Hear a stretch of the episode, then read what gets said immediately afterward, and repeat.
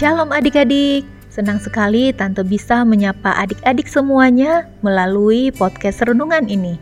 Kiranya adik-adik selalu bersemangat dan juga bersuka cita mendengarkan firman Tuhan.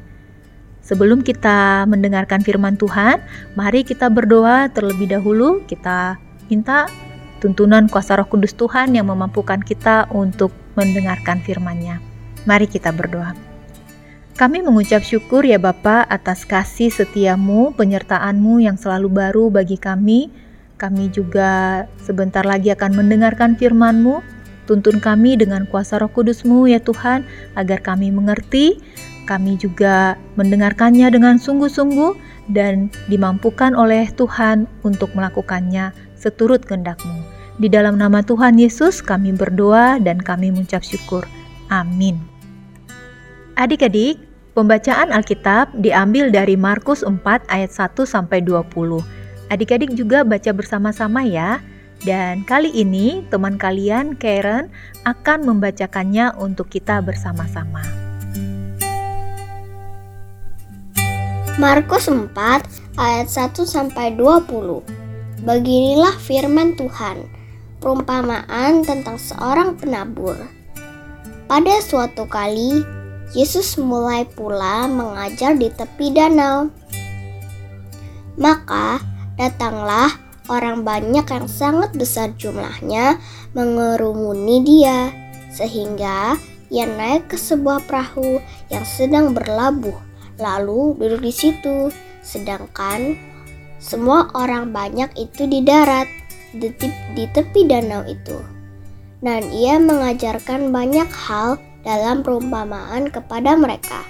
Dalam ajarannya itu, ia berkata kepada mereka, "Dengarkanlah, adalah seorang penabur keluar untuk menabur. Pada waktu ia menabur, sebagian benih itu jatuh di pinggir jalan. Lalu datanglah burung dan memakannya sampai habis. Sebagian jatuh di tanah yang berbatu-batu yang tidak banyak tanahnya. Lalu benih itu pun segera tumbuh karena tanahnya tipis. Tetapi sesudah matahari terbit, layulah ia dan menjadi kering karena tidak berakar.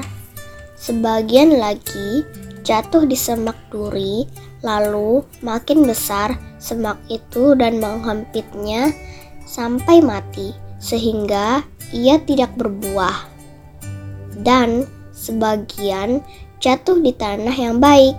Ia tumbuh dengan suburnya dan berbuah. Hasilnya ada yang 30 kali lipat, ada yang 60 kali lipat, ada yang 100 kali lipat.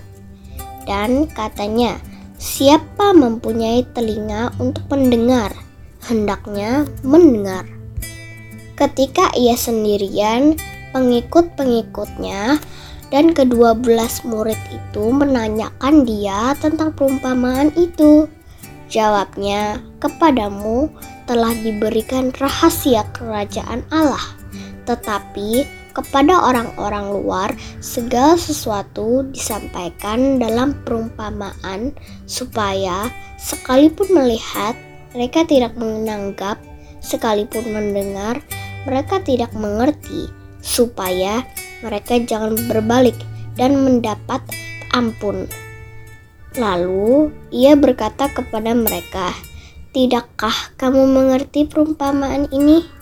Kalau demikian, bagaimana kamu dapat memahami semua perumpamaan, perumpamaan yang lain?" Penabur itu menaburkan firman. Orang-orang yang di pinggir jalan tempat firman itu ditaburkan ialah mereka yang mendengarkan firman. Lalu datanglah iblis dan mengambil firman yang baru ditaburkan dalam mereka.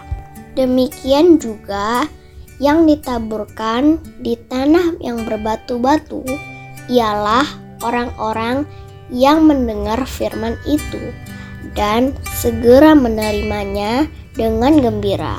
Tetapi mereka tidak berakar dan tahan sebentar saja. Apabila kemudian datanglah penindasan atau penganiayaan Karena firman itu se mereka segera murtad.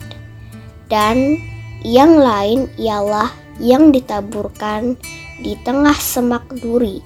Itulah yang mendengar firman itu.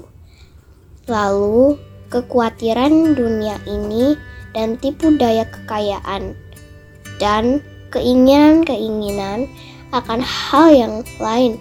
Masuklah menghimpit firman itu sehingga tidak berbuah. Dan akhirnya yang ditaburkan di tanah yang baik ialah orang yang mendengar dan menyambut firman itu lalu berbuah ada yang 30 kali lipat ada yang 60 kali lipat, dan ada yang 100 kali lipat. Demikianlah pembacaan firman Tuhan. Adik-adik, hari ini kita mau belajar tentang buah dari respon sikap. Kita juga akan belajar dari pengalaman bintang.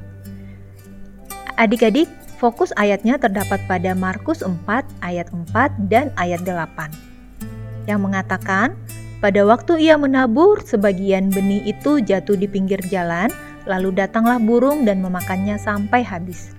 Dan sebagian jatuh di tanah yang baik, ia tumbuh dengan suburnya dan berbuah. Hasilnya ada yang 30 kali lipat, ada yang 60 kali lipat, ada yang 100 kali lipat. Hari itu Pak Darwin menjelaskan dengan gamblang sekali bagaimana Allah menuntun bangsa Israel untuk menaklukkan kota Yeriko. Karena disertai dengan penjelasan detail yang jarang didengar, Bintang mendengarkan dengan penuh perhatian dan bahkan sesekali bertanya untuk memperjelas pengertiannya. Sedangkan Jonathan yang duduk di sebelah Bintang kurang menaruh perhatian pada penjelasan Pak Darwin. Sebentar-sebentar, ia melihat HP-nya yang diletakkan di laci mejanya. Kalaupun ia mengarahkan wajahnya ke arah Pak Darwin, tatapan matanya sepertinya kosong dan konsentrasinya tidak tidak tertuju kepada Pak Darwin. Hari ini, ketika ulangan mengenai sejarah bangsa Israel menaklukkan kota Yeriko berlangsung, beberapa anak, terutama Bintang, terlihat mengerjakan dengan antusias sambil sekali-sekali tersenyum kecil. Mereka seperti membayangkan kembali bagaimana Pak Darwin yang sedang menjelaskan di depan kelas dengan gamblang dan menarik. Berbeda dengan Jonathan, dia terlihat gelisah dan berkeringat sambil bingung, tidak tahu harus menjawab apa dan bagaimana. Karena tidak sedikit pun penjelasan Pak Darwin yang diingatnya.